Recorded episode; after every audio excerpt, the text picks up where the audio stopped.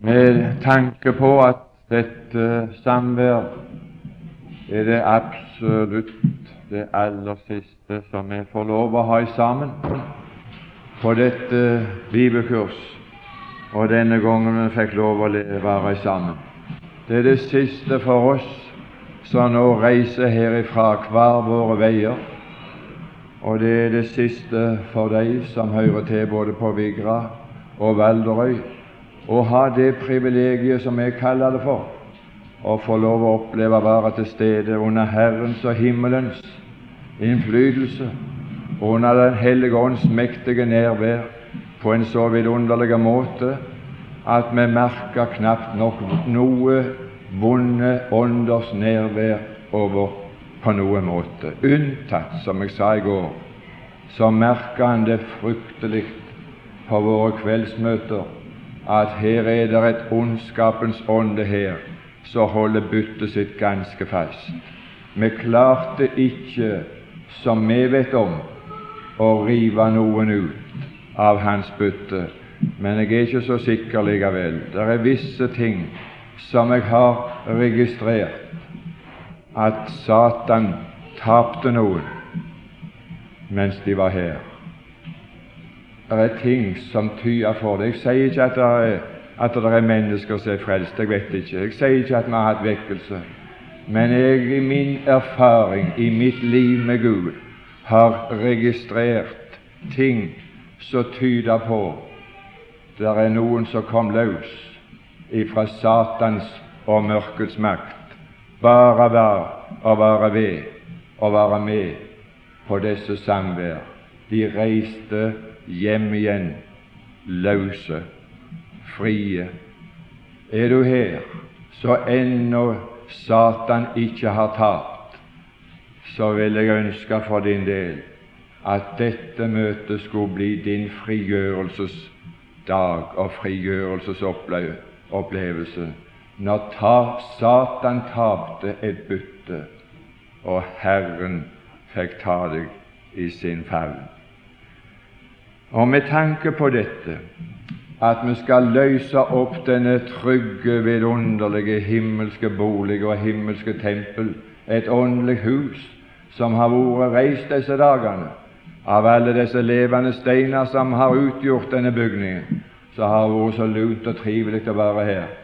Så er allerede bygningen begynt å gå i oppløsning. Det er steiner vekke både her og der, og nå går veggene øyeblikk til grunnes i dette huset dette åndelige huset, og ingen kan få lov å kjenne varmen og den gudstjenesten som foregikk her i dette. Det legges ned. Det er akkurat som tabernaklet som bygges opp og rives ned under vandringen. Så skal vi reise hjem uten å få være i et sånt hus. Da er det en glede i min sjel for et budskap som ikke er mitt, men som er lagt på meg av Herren, som kom i et tillegg og i tilknytning til det og i rette sammenheng med det som vi er opptatt med og har vært. Jeg er så glad for, så inderlig takknemlig for, det sto i det sjette kapittel av Efeserbrevet og det tiende vers etter at alt dette vidunderlige i Guds hus var beskrevet, der så det var så lunt, der så det var så godt, der så det var festdager å være, en dag i dine forgårder er bedre enn ellers mange tusen. For øvrig, står det. Å, jeg har noe å si for øvrig. For øvrig, når vi nå reiser hjem, så reiser vi hjem, og så vil vi få lov å stifte bekjentskap ikke med den gode ånd, ikke med Den hellige ånd, men enhver av oss skal få stifte bekjentskap til at det er en høvding som har hærmakter som består av ondskapens ånde. En ånde som han er høvding for, og som han har mobilisert i to hensikter. Den første det er å forstyrre de troende og hellige sin ro, visshet, trygghet på frelsens fullbrakte verk. Det går disse åndskrefter ut på og forstyrre husfreden. Og den andre disse åndskrefter går ut på, det er å lure ved list, for noen annen makt har ikke djevelen. Han har bare en list til å lure sine bytter og holde dem fast ved folk og lure dem, så at de ikke skulle bli fri og bli frelst. Vi leser i Jesu navn. For øvrig bli sterke i Herren og i Hans veldes kraft. Ikle eder Guds fulle rustning, så dere kan stå, så dere kan stå eder imot djevelens listige angrep. For vi har ikke kamp mot blod og kjød, men mot makter, mot myndigheter, mot verdens herrer i dette mørket, mot ondskapens ånde her i himmelrommet. Ta derfor Guds fulle rustning på, så dere kan gjøre motstand på den onde dag og stå efter og ha overvunnet alt. Herre Jesus, takk for det som jeg har fått opplevd i samfunn med deg inntil denne stund. Takk for at du har et for øvrig. Takk for dette tillegg som kommer på tampen. Herre Jesus, for et dyrebart ord. La det sannhetsord som nå rekkes, la det nå oss alle ved din ånd. Amen. Jeg sa i forbindelse med noe i formiddag at jeg ønsker å være med og gjøre oss som kommer til disse bibelkurs, og alle de som jeg får forbindelse med, jeg ønsker å tre offisielt fram og presentere meg som en som ønsker å påvirke Herrens folk til å gjøre motstand. At du blir en aktiv i motstandsbevegelse. Gud gi at du ikke var en passiv i denne kamp som vi har, men at du ble med i motstandsbevegelsen, og i en motstandsbevegelse imot en åndsmakter. Ikke kjøtt og blod. Du må ikke komme med i noen motstandsbevegelse imot kjøtt og blod. Ikke imot mennesker, ikke imot personer, ikke imot deg som blir disponert av ånd. Nei, de skal vi elske, de skal vi frelse, de skal vi bevare, de skal vi redde.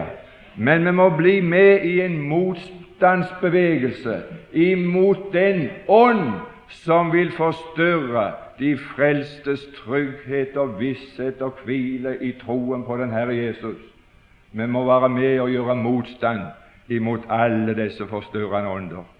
Og så må vi være med og gjøre motstand imot alle disse ånder som vil lure mennesket inn i falske, trygge eller urolige bevegelser og innbille de at de er på vei til himmelen.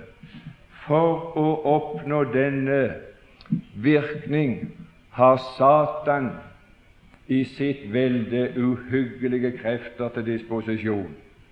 Men vi synger, og vi synger med frimodighet, og jeg, jeg vil være med og inspirere. Og jeg har lyst til å være med og gjøre ting og si ting som kan oppfriske vår kampmoral og gi oss troen på seier. Seier! Seirende og for å seire, ikke tapende for å tape, ikke lia nederlag for å nye, nye nederlag, men gi oss mot og moral som Kristi gode stridsmenner, som kan være med og gjøre motstand og vinne seier, seirende og for å seire. Og i denne kampen så er det ikke kamp imot mennesker, men det er imot makter. Og som vi la på siste timen på i går, så viste det seg at djevelen er høvding for tre forskjellige områder. Han er høvding på det området at Jesus kalte han for denne verdens første. Og så er han høvding i den karakter at han er denne verdens Gud. Og som denne verdens Gud så lurer han ved list, så får han mennesker til å tilbe seg i det de tror de tilber Gud, for han etterligner Gud. Men så er det djevelen. Det er, det er nifst. Ja, det er nifst. Og for å oppnå det, å lure folk og tilbe, falle pladask og tilbe, så var det det vi begynte på. Jeg skal bare nevne det. Der er det makter. Og de maktene som den Herre Jesus har, de innehar myndighetsmakter og troner som de har fått av Gud en gang. Og det er engler som utgjør disse makter som vi har kamp imot, som utgjør disse myndigheter. Disse er verdens hersker. Bak det babyloniske verdensriket som oppsto, så var det en onde engel som sto bak. Og den onde engel var beskrevet som en løve, og den var imot Herren. Og den var imot Herren på den måten som vi leste, at det ble reist et gudebilde. Og for å få menneskene til å tilbe et bilde, så kunne ikke det skje uten ekstasemidler, uten å bruke metoder og overliste dem til å gjøre det. Og i det øyeblikk at musikken spilte opp, i alle variasjoner, så falt folket pladask. Det andre verdensriket som fulgte etter, det er bare det at det der og der som er sagt om de fire verdensriker, det har Bibelen sagt oss. De skal komme igjen, alle de der karaktertrekkene, i en fullstendig, fullkommen karakter. Du skal ikke bare få det babyloniske karakter. Du skal ikke bare få igjen den persiske og den greske og den romerske, men alt det mirakel av vondt og forferdelse som var forent i de fire forskjellige riker, det skal komme igjen i den siste verdensrike. Og det er det vi, vi aner forløperne for. Og det første riket, det var det var Nebukaneser som hadde menneskets tall 666. Og det tallet er antikristens tall. Det er menneskets tall. Det er det høyeste tall av utvikling. Og når mennesket når sin høyeste grad av utvikling, så skal de klare å lage et bilde, og det bildet skal de kunne gjøre levende. Det er under. Det er tegn og i kraft av en masse vidunderlige musikk og sang, så skal de få alle til å falle ned og tilbe dette Gud, for det er bare Gud som kan gjøre slike under og lage bilder av levende. Men det var djevelen. Det var djevelen. Det er djevelen som gjør tegn. Og det er ved at djevelen gjør tegn og under det der hans kraft ligger til å lure folk og tro det er Gud. Og så er det antikrist. Du må ikke lure deg av menneskelige prestasjoner, selv om det er 666. Du må ikke koble ut og bli et bytte ved at du kommer i en stemning. Vi må gå ifra det. Vi må gå ifra alt det der og der. Men vi må lese bitte lite grann av noen karaktertrekk. Det var andre ting så Herren hadde lagt på mitt hjerte, men jeg er lett å komme ut av balanse på dette bibelkurs, ut av ruta. Og det er beklagelig på, på enkelte områder. Daniels bok, det åttende kapittel, så var det et trekk i det greske, et trekk som ikke er vanskelig å se at vi har forberedende tendenser av samme sort. Og det er det vi må stå imot. Det er den sorten krefter vi har kamp imot. Ikke menneskelige krefter, men vonde englers krefter som blir utført ved mennesker som stiller seg disponibel. Der står i Daniels bok, det sjuende kapittel, og det var det som foregikk i Grekeland med den vonde første vonde engel som sto bak der. 25. vers. Og han skal tale ord mot den høyeste, og han skal undertrykke den høyestes hellige. Jeg kjenner bare på én ting i hverdagslivet når jeg skal leve som en kristen, og det skal du få kjenne uansett hvor du lever ditt liv som en kristen, enten det er på Vigra eller Valderøy, Sunnmøre, Sørlandet, Vestlandet, Østlandet, hvor som helst i denne verden, så er det blitt en utvikling hvor de som hører Herren til, de blir undertrykt. Vi har en undertrykkende makt å kjempe imot. Slik har det alltid vært, men ikke i den grad som det nå er blitt. Men den undertrykkende kraft, den øker på. Og derfor må vi mer enn noen gang iføre oss Guds fulle rustning, så vi kan stå oss imot undertrykkelsen og ikke la oss undertrykke. Ja, det, ja, det skal jeg lese om. Det var det som var det fine med det. Og denne karakter, å undertrykke den høyestes hellige, han skal tenke på Derfor er jeg med i en motstandsbevegelse, det kan du skrive opp. Og Derfor ønsker jeg å gjøre deg oppmerksom på å være en motstand. Vi blir med i motstandsbevegelsen imot alle forandringer. Alt som er nytt. Her skal du høre noe. Her står han skal tenke på å forandre. Hva er det de tenker på å forandre i vår tid?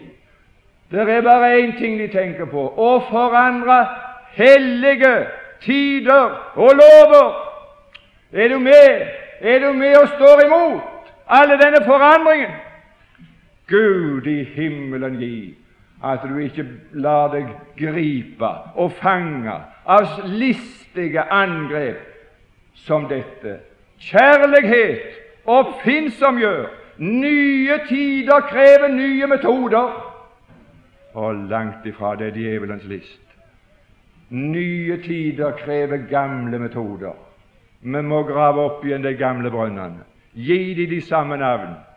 Her var en skal, så det står noe om her. Ja, det står noe fint her om, om, at, om at Daniel han gjorde aldeles som han hadde gjort før. Skal ikke gjøre noe nytt. I det sjette kapittel og det ellevte verset står det i siste setningen Men Daniel gjorde aldeles som han hadde gjort før. Dette er ingen nye bevegelse. Dette er ikke noe kurs som skal fremme utvikling av en ny bevegelse. Her er ingen nye metoder.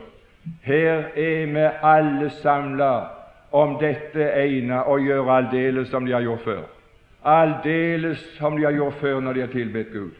Ikke noen forandring. Ingen forandring. Ikke forandre. Ikke la oss undertrykke. Jeg har sagt vi skulle være langmodige og finne oss i styrke til å tåle å holde ut og gi avkall. Men saktmodighet, det var at vi skulle stå fast på det Gud har sagt, og ikke fire en millimeter. La oss ikke undertrykke. La oss ikke forvirre. Jeg må, jeg må gå ifra det. Det var, det var mer der. Jeg kan ikke hjelpe det. Det var, det var maktene, men det er noe som jeg syns det er farligere som jeg er redd, og som jeg vil få lov for øvrig å si noe om, som det siste inntrykket fra dette bibelkurs. Vi har kamp, og der synes jeg at det er det aller verste, for det når inn alle veier, mot ondskapens ånde her i himmelen, rommet. Ikke alle som tror på det der. apostlenes gjerninger. Apostlenes gjerninger, det 23. kapittel. Og det er det åttende vers. Saduseerne sier at det ikke er noen oppstandelse, heller ikke noen engel Ikke tror de på at det er noen sånne makter som englene styrer, onde engler. Heller ikke tror de at det er noe som er ånd. Tror det er noen saduserere iblant oss i våre dager som ikke tror på engler, englemakter, som er vonde makter, som er Satans engler, som har makt og myndighet og hersker og forvolde bryderi for ethvert menneske som vil høre Herren til, og som forsøker ved list å, å, å, å lure alle mennesker til å bli varende i sin uomvendte tilstand. Første Johannes brev. Der er det noen som ikke saduserer, men det er noen som elsker det. Dere Å, jeg håper det at alle her er med i det dere er i. Dere. Og det er de som man har sagt tidligere, som vet at de er Guds barn. Dette skriver jeg til eder for at dere skal vite at dere er Guds barn, dere som tror på den Herre Jesus, dere som har tatt imot den Herre Jesus, dere som har Sønnen, dere har livet. Og er du et Guds barn, så har Gud bare elskede barn. Vil du ta det med deg? Han har bare barn som han er glad i, og han er akkurat like glad i alle sine barn. Han har ikke en som han er mer glad i enn andre. Og det der, det, det, det, det gullbadet mitt. Og langt ifra. Han har ikke gullbarn, for alle er hans elskede barn. Vet du hva han sier om oss? Å, ja, dette her, det, dette her er melk. Ja, det er melk. Bare sug inn, du, så skal du kjenne. Han voktet han på hvilken måte? Han voktet han som sin øyensted. Hvem tror du sier Guds øyensted? Ja, det var, det var bare én en eneste i evigheten. Det var en stein i helligdommen ifølge profeten Sakarias, så Guds øyne hvilte på til stadighet. Og den ene steinen som Gud, Guds øye aldri tok blikk ifra Guds øye var aldri borte ifra den steinen. Det var Guds øyensten. Vet du hvem den steinen var? det var den levende sten. Kom til ham, den levende sten! Gud hadde en sønn, en enbåren sønn, og den sønnen var på den tid Guds enbåren sønn. Det var Guds øyensten. Kan tro det var øynene hans. Å, dette er min, sa han. Det er min, det er min, og det er ikke bare min, men det er en som jeg har velbehag i. Hvordan gikk det med oss når vi ble frelst? og når vi ble barn av Gud. Hvordan gikk det med oss når Han passa på oss? Passa Han på oss på den måten? Å, han voktet Han som han voktet sin øyensted. Ah, han voktet oss som sin øyensted. På samme måten som, han, som hans øyne hvilte og var glad i sin elskede sønn, så er han nå like glad i alle som hører Herren til. Vi er alle nå elskede. Det er ikke bare Jesus er Guds elskede sønn, men nå er vi alle Guds elskede sønn, Guds barn. Vi elsker det. Så kommer det en oppfordring om vår tro, hva vi skal tro på. Tro ikke. Først negativt. Han har sagt så mye vi skal tro, men eh, vi har vondt for å tro det vi skal tro. Så har vi skrekkelig lett for å tro det vi ikke skal tro. Ikke sant? Har du det sånn? Jeg har skrekkelig lett å tro det jeg ikke skal tro. Og så har jeg fryktelige problemer med å tro det jeg skal tro. Tro på meg og tro på Gud, og eders hjerte forferdes ikke. Forferdes ikke. Men tro ikke. Tro ikke enhver ånd. Det er andre ånder som sier noe annet. Tro ikke enhver ånd. Men Den hellige ånd sier frykt ikke, frykt ikke. Tro på meg og tro på Gud. Og den som tror på meg, Han skal være langt ifra angst og forferdelse. Tro ikke enhver ånd, men prøv åndene om de er av Gud. På hvilken måte skal vi prøve ånden om de er av Gud? Vi skal bare prøve om det er Den hellige ånd. For Gud har bare én ånd. Gud har bare én ånd, og det er Den hellige ånd. Og alle andre ånder er onde ånder. Forstår du det? Det er uhyggelig. Og nå skal jeg lese noe i første Timotius brev, som vi har kamp imot. Alle disse åndene. Det er bare Den hellige ånd vi har, ikke har sjau med, som vi har fred med. Og Den hellige ånd i Bibelen har alltid store ord, Ånden, for å skille det ut, så at ingen skal være i tvil. Første Timotius brev, det er fjerde kapittel, vers 1. Men Ånden sier med tydelige ord at i de kommende tider skal noen falle fra troen i det de holder seg til forførende ånder og djevlers lærdommer.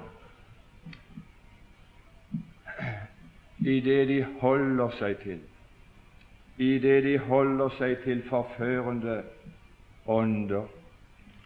Det uttrykket, om vi kunne få lov å lære det noe nå for øvrig, i tillegg til alt det vi nå har bak oss for øvrig, det uttrykket å holde seg til, det er et kolossalt sterkt uttrykk som bare i grunn brukes i Bibelen i én betydning, og det at mannen holdt seg til sin hustru, og de to ble ett, og så avsatte det en frukt. Det fødte noe. Den som holder seg til, han blir ett med noe som avsetter frukt. Det blir frukt av det. Og den som holder seg til Herren, han er én ånd med Herren, men den som holder seg til ånder, de blir ett med den ånd som de holder seg til, og det avsetter frukt. Der fødes noe, der blir resultater av et menneske som tar åndskontakt på den intime måten at de holder seg til en ånd. Det er nifst. Det er mer nifst i det de holder seg til. Vårt ansvar, det er å være tro imot Herren. Det som Herren har oppfordret til, det er en kolossale oppfordring imot hor, åndelig hor, og det er å holde seg til andre enn Herren. Holder seg til. Vårt ansvar er å holde oss bare til Herren. Og når vi holder oss til Herren, så er vårt sinn klart. Så er vi alltid med full bevissthet. Vårt legeme, i den forfatning som Gud har lagd det, er en festning til å beskytte enhver imot at åndene kan overraske oss uten at vi sjøl vil. Det kan ikke foregå åndelig voldtekt. De må være enige, begge parter. Forstår du dette? Og hvis djevelen får overliste deg til å søke å holde deg til ånder i ly av at det er gode ånder som skal gi deg noe godt, bare du holder deg til ei ånd så skal det bli frukt i ditt liv. Så skal du bli fruktbar. Så skal du, skal du, bli, skal du bli sterke. Så skal det komme noe ut av ditt liv så, som er overnaturlig, som du ikke klarer alene. Du skal klare noe i forbindelse med ei ånd som du ikke klarer alene. Derfor så skjer det noe.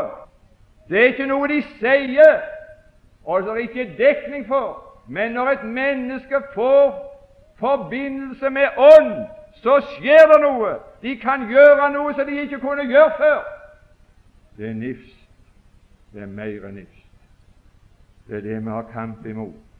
Større nå enn noen gang før. Det som de sto i fare for å holde seg til, i det de skal holde seg til, ikke ånder bare, men forførende ånder. Og forførende ånder er et ord som, som, eh, som i grunnen altså har en veldig innhold. Det har langt rikere innhold enn som kommer bare i det uttrykket 'forførende'. Det er ånder som kan oversettes med omflakkende ånder, urolige ånder, beelsebulsånder. Og Beelsebul, djevelen, ordet Beelsebul, det betyr uroens herre. Og Beelsebul, djevelen, uroens herre, han har bare urolige, omflakkende, forførende ånder. Og Hvis vi holder oss til noen av de ånder, så skal det avsette en frukt. Det betyr ikke det at du faller fra Herren. Det betyr ikke det. Det er andre konsekvenser i livet enn å falle fra Herren. Du vet ikke, sa Jesus, og det sa han til sine disipler, dere vet ikke av hva ånd dere er. Du store mirakel, skal si det går an for en som hører Herren til, å være disponert av andre ånder enn Den hellige ånd. Så det er ikke bare de som, som kommer så langt ut, som har holdt seg til det, men de blir disponerte på den måten. Men jeg vil få lov å lese noe om det der forførende, denne uroens ånd, hvorledes det virker, hvordan det alltid virker når et frelst menneske driver åndelig hor, og ikke bevarer en enfoldige troskapsforhold til Herren, men driver åndelig hor og får kontakt, intim kontakt med ånder, ja, da skal jeg bare avlese resultatene som jeg har sett hos alle de som har opplevd å få forbindelse med slike ånder. Og det er ikke, det er ikke få etter hvert. Det øker på. De blir lurt av forført. Vi siterte Salme 85, og i Salme 85 så sto det i det niende vers at salmisten sa og jeg skulle ønske at resultatet av dette møtet og disse møter bl.a. kom til å bestå i dette. Jeg vil høre hva Herren taler, for Herren taler fred til sitt folk. Men får du kontakt med ei annen ånd, hvis du ikke er én ånd med Herren og har fred, men får kontakt med ei fremmed ånd, ei vond ånd, så skal snart den freden forstyrres. Så jeg er ikke så sikker på om ikke mange av oss er blitt overlista av vonde ånder på grunn av manglende opplysning, på grunn av manglende beskyttelse, fordi du ikke har rustningen på, fordi du har avkledd deg det som kan beskytte deg imot den slags vond innflytelse og jeg skal lese ifra første Peters brev, det tredje kapittel, noe som ryker med en gang. Ja, det ryker med en gang hvis du får kontakt med sånne urolige ånd.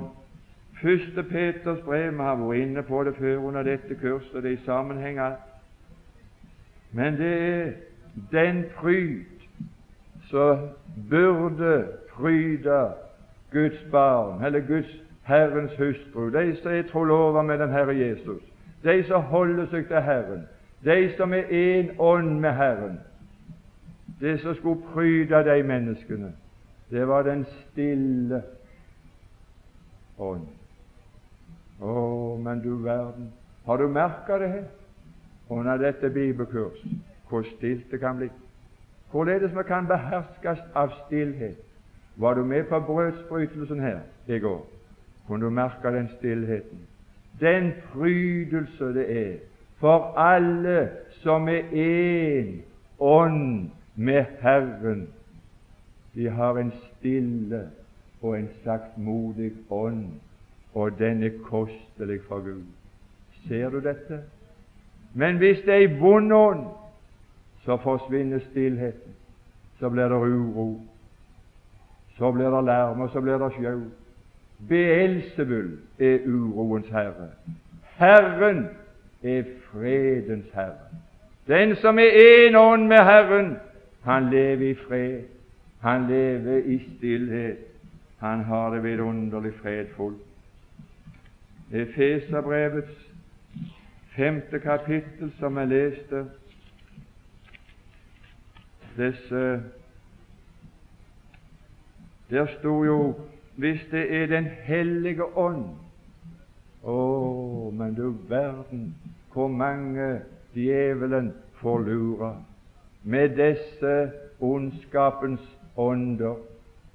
Han får innbilla så mange av Guds barn at når de blir fylt av en sånn ånd, så blir de fylt av Den hellige ånd. Men når et menneske blir fylt av Den hellige ånd, så leste vi i Feserbrevet, det femte kapittel og det attende vers, men bli fylt av Ånden, med stor ånd, Den hellige ånd, bli fylt av Ånden, så 21. vers så dere underordner dere. Der blir stille i en forsamling når de blir så åndsfylte at alle underordner seg hverandre. Underordner eder under hverandre i Kristi frukt. Men hvis det er ei vond ånd som et menneske blir fulgt av, så trenger hun ikke vise seg vond i at hun slår, og at hun er stygg. Hun kan være så religiøs og fløyne og flotte som bare det. Hun kan være som en lysets ånd, men da gjør det mannen og personen stor. Da blir de andre unna. Men er det Den hellige ånd du blir fulgt av, så underordner du deg. Så blir det så stilt, så blir det så lite protester, så er det så lite knurring med underordnelse. Det er Den hellige ånd som fyller oss med en sånn ånd så tar makten over det gamle kjød og holder det nede, som vi finner oss i og lider og tåler og ikke protesterer for ei vidunderlig grunn. Ja, da er det fredelig. Og når vi har opplevd å ha det så fredelig sammen, så er det ikke fordi vi er så enige. Vi ser på dette bibelkurset. Er det ikke fordi vi ser så likt i alle spørsmål. Og du skulle bare fått sluppet kjødet løst en stund. Han skulle bare fått sluppet noe løs av sin ånd, så hadde det begynt å slåss ut i gangene. Og diskutert så fillene fyker. Og så hadde vi reist fra, fra hverandre som uvenner, av bagateller. Men Den hellige ånd og når den fyller så underordner så har jeg en annen mening. Ja, så bare bøyer meg unna. Så har jeg en annen, annen. Nei, jeg bare bøyer meg unna, så bøyer vi oss unna hverandre. Så går det så skrekkelig fint, for det er bare én Herre. Det er bare én Herre. Å, men det er flotte saker. La oss ikke lure. Ja, de må jo slutte fort idet de holder seg til forførende ånder. Hvorledes Hvorledes er det der virker med forførende ånd? De blir ett. Den som holder seg til Herren, er én ånd. De blir ett, og så avsetter det frukt. Og den som holder seg til ei ånd Her står i første Korintiebrev, det tiende kapittel og det tjuende vers men jeg vil ikke at dere skal komme i samfunn med onde ånder. Nei, for det er forferdelig. Det avsetter avsette en undertrykkelse, og det avsetter noe som skjer. Du blir ikke deg sjøl lenger, du blir ett med en ånd som undertrykker deg. Og undertrykker din vilje, undertrykker ditt sinn. Du blir beherska. Og så skal jeg lese noe som var forbudt, og så skal jeg si om øyeblikk, ikke ganske ennå, for at noen Tredje Mosebok, 19. kapittel. Tredje Mosebok, det 19. kapittel, 31. vers. Dette er noe som jeg sier deg for øvrig, i tillegg til alle de evangeliske, gode sannheter. Dette er noe som jeg ber deg for øvrig å ta med deg når du reiser hjem, så du skal kunne ha beskytta deg med. Dette er noe av rustningen, det er, det, det er noe av det det består i. Dere skal ikke vende eder til dødningemanere og ikke til sannsigere, sjøl om det skulle komme en på ditt hjemsted og gi seg ut for å profetere. Og sjøl om den profetien skulle gå i oppfyllelse, så må du klare å stå imot. Det er ikke av Gud, det er av djevelen. Det er ei vond ånd. Du må ikke vende seg til sannsigere. Det er jo der djevelens list har makt over folk. Hvis en mann sier noe, og det skjer, ja, det er Gud, sier de. Lei, sier Bibelen. Det er vond ånd. Det er sannsigerånd. Det er det vitner om at den personen Det vitner ikke om at han ikke er frelst. Det vitner om at den personen har drevet åndelig hor, og at han ikke er én ånd med Herren lenger. For den som er én ånd med Herren, han har bare én profeti, og det er Bibelen. Og bare den. Og den som legger noe til det som står i Bibelen, det er Herrens profeti, og den er ferdig, den er avslutta, der kommer aldri et ord ifra Herrens lepper mer. For øvrig, dette er alvor, og dette er praktisk alvor, for ingen er trygge i noe bedehus noen plass i vårt land. Du, Vi har ikke kamp imot kjøtt og blod. Du må ikke, du må ikke slå vedkommende i hjel. Du må ikke tape samfunnet med han for det. Nei, han, er, han hører Herren til hvis han hører Herren til. Men den som hører Herren til, han kan like lett drive åndelig hor som en mann som har kone, kan drive hor med en annen kone. Jeg skulle ønske det aldri skjedde, men det skjer. Men de er gifte for det. De lever sammen for det. Men du må iallfall ikke komme og fortelle meg at ekteskapet er like godt hvis mannen eller kvinnen driver hor og holde seg til andre. Du må aldri komme og fortelle meg at det ekteskapet kan være godt. Slik var det ikke fra begynnelsen. Og det var sang- og musikkmøte. Jeg klarer ikke å slutte. Jeg må få lov å fortsette å lese ut det avsnittet, for det er så skrekkelig aktuelt. Det er så brennende, så jeg skal, ikke, jeg skal love å være skrekkelig konsis og kort i det grann jeg har igjen. Det sto noe mer.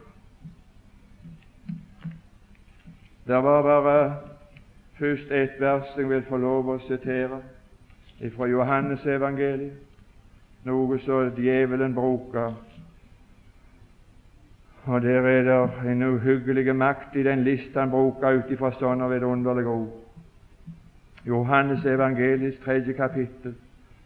Der kommer Nikodemus og kommer til Jesus om natta, og så sier Rabbi, vi vet at du er en lærer kommet fra Gud, for ingen kan gjøre disse tegn som du gjør, uten at Gud er med ham.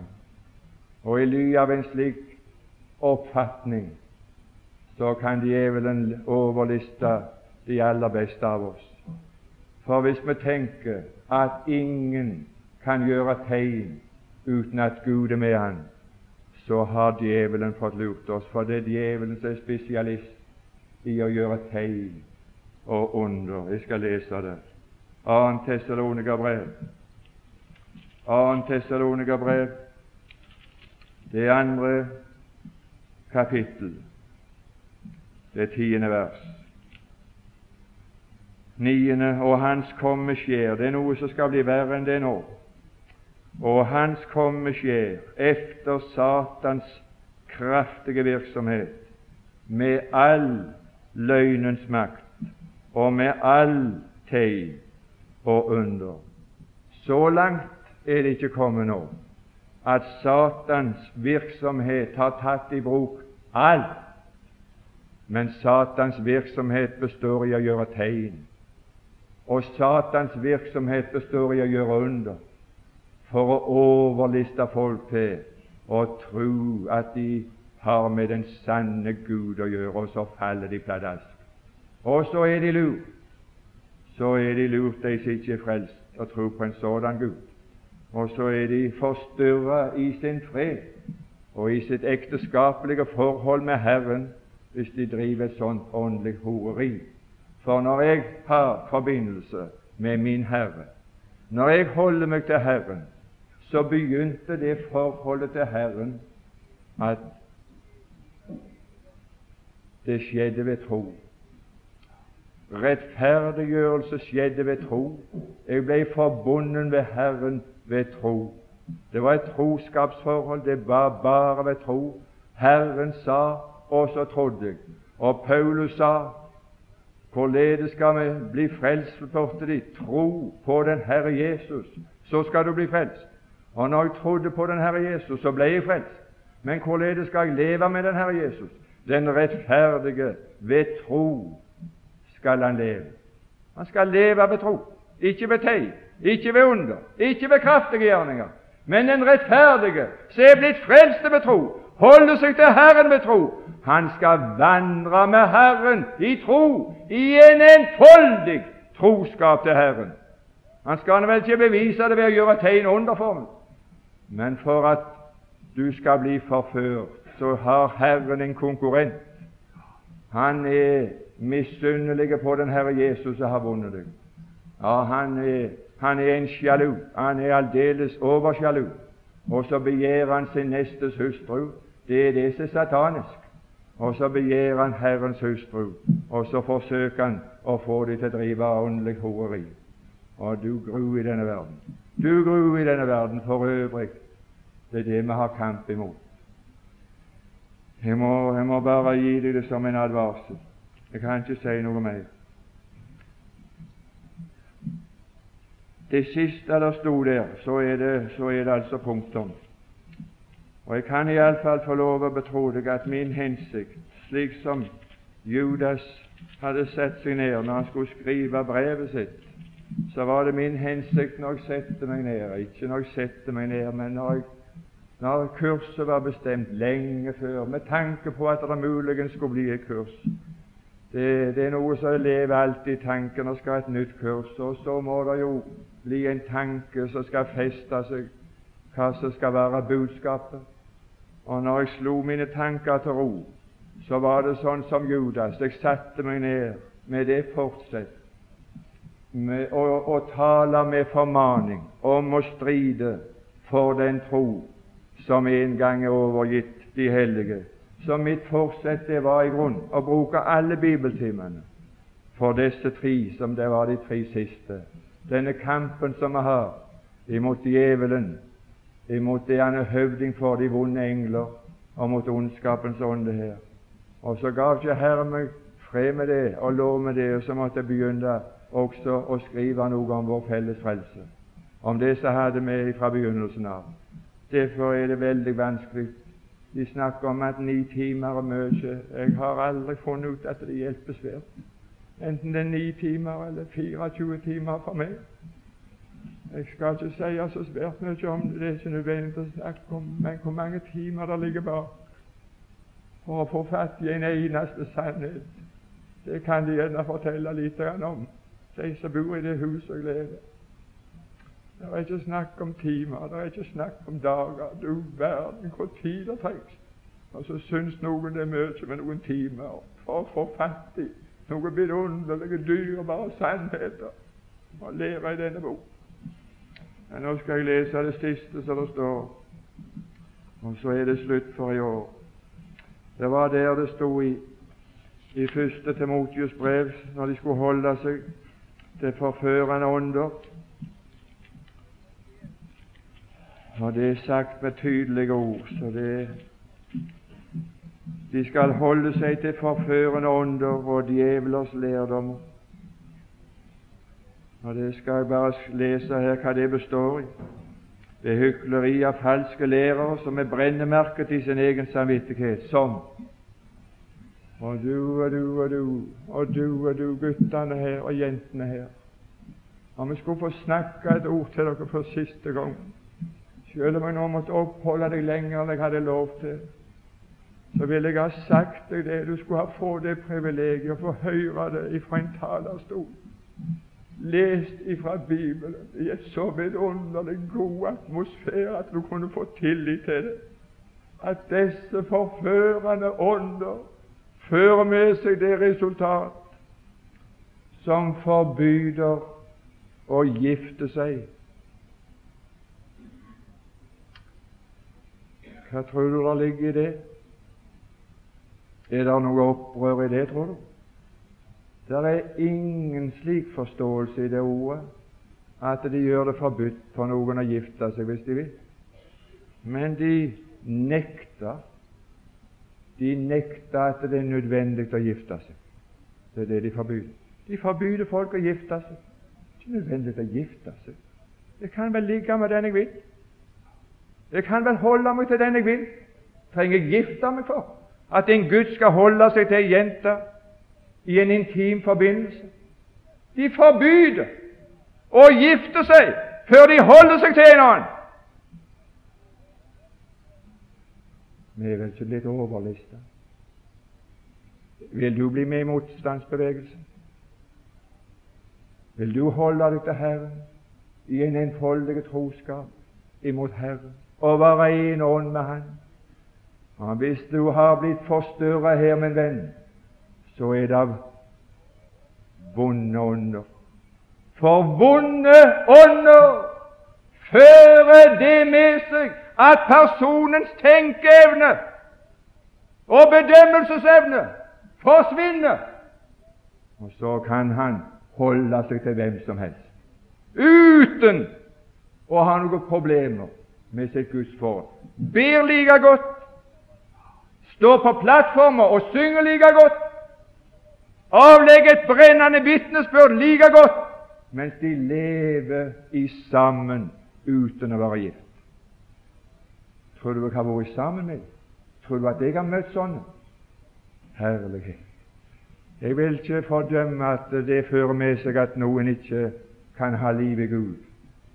Jeg har ikke jeg autoritet til å si, men sannelig meg er det et forferdelig forhold.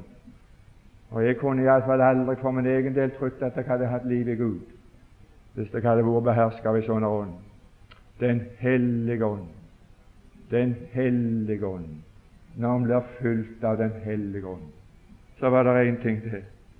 Det var, det var løye. Jeg syns ennå det er løye at Herren altså skulle gjøre det sånn at, at, disse tingene ikke skulle klare å komme mer behandla. Så jeg synes det er så skrekkelig som å gjøre for å få syn på og bli oppmerksom på og få rensa sinnet ditt ifra all den forgifta og uroens ånd som allerede er kommet inn, som kom inn til oss ifra alle mulige ting som forbyder å gifte seg og byder. Én ting forbyder de til det sværeste. Men så har de òg et påbud. Begge deler i opprør imot Gud. Det ene i opprør imot Gud, det som Gud sa før noen skal holde seg til hverandre, så skal de gifte seg. Og så byder de å avholde seg ifra mat. Tenk ifra mat. Den Gud har skapt til å nytes med takk av dem som tror og har sannheten å kjenne. Det er en fullkommen forkastelse av Herrens ord å forbyde noen å ete noe som helst slags mat.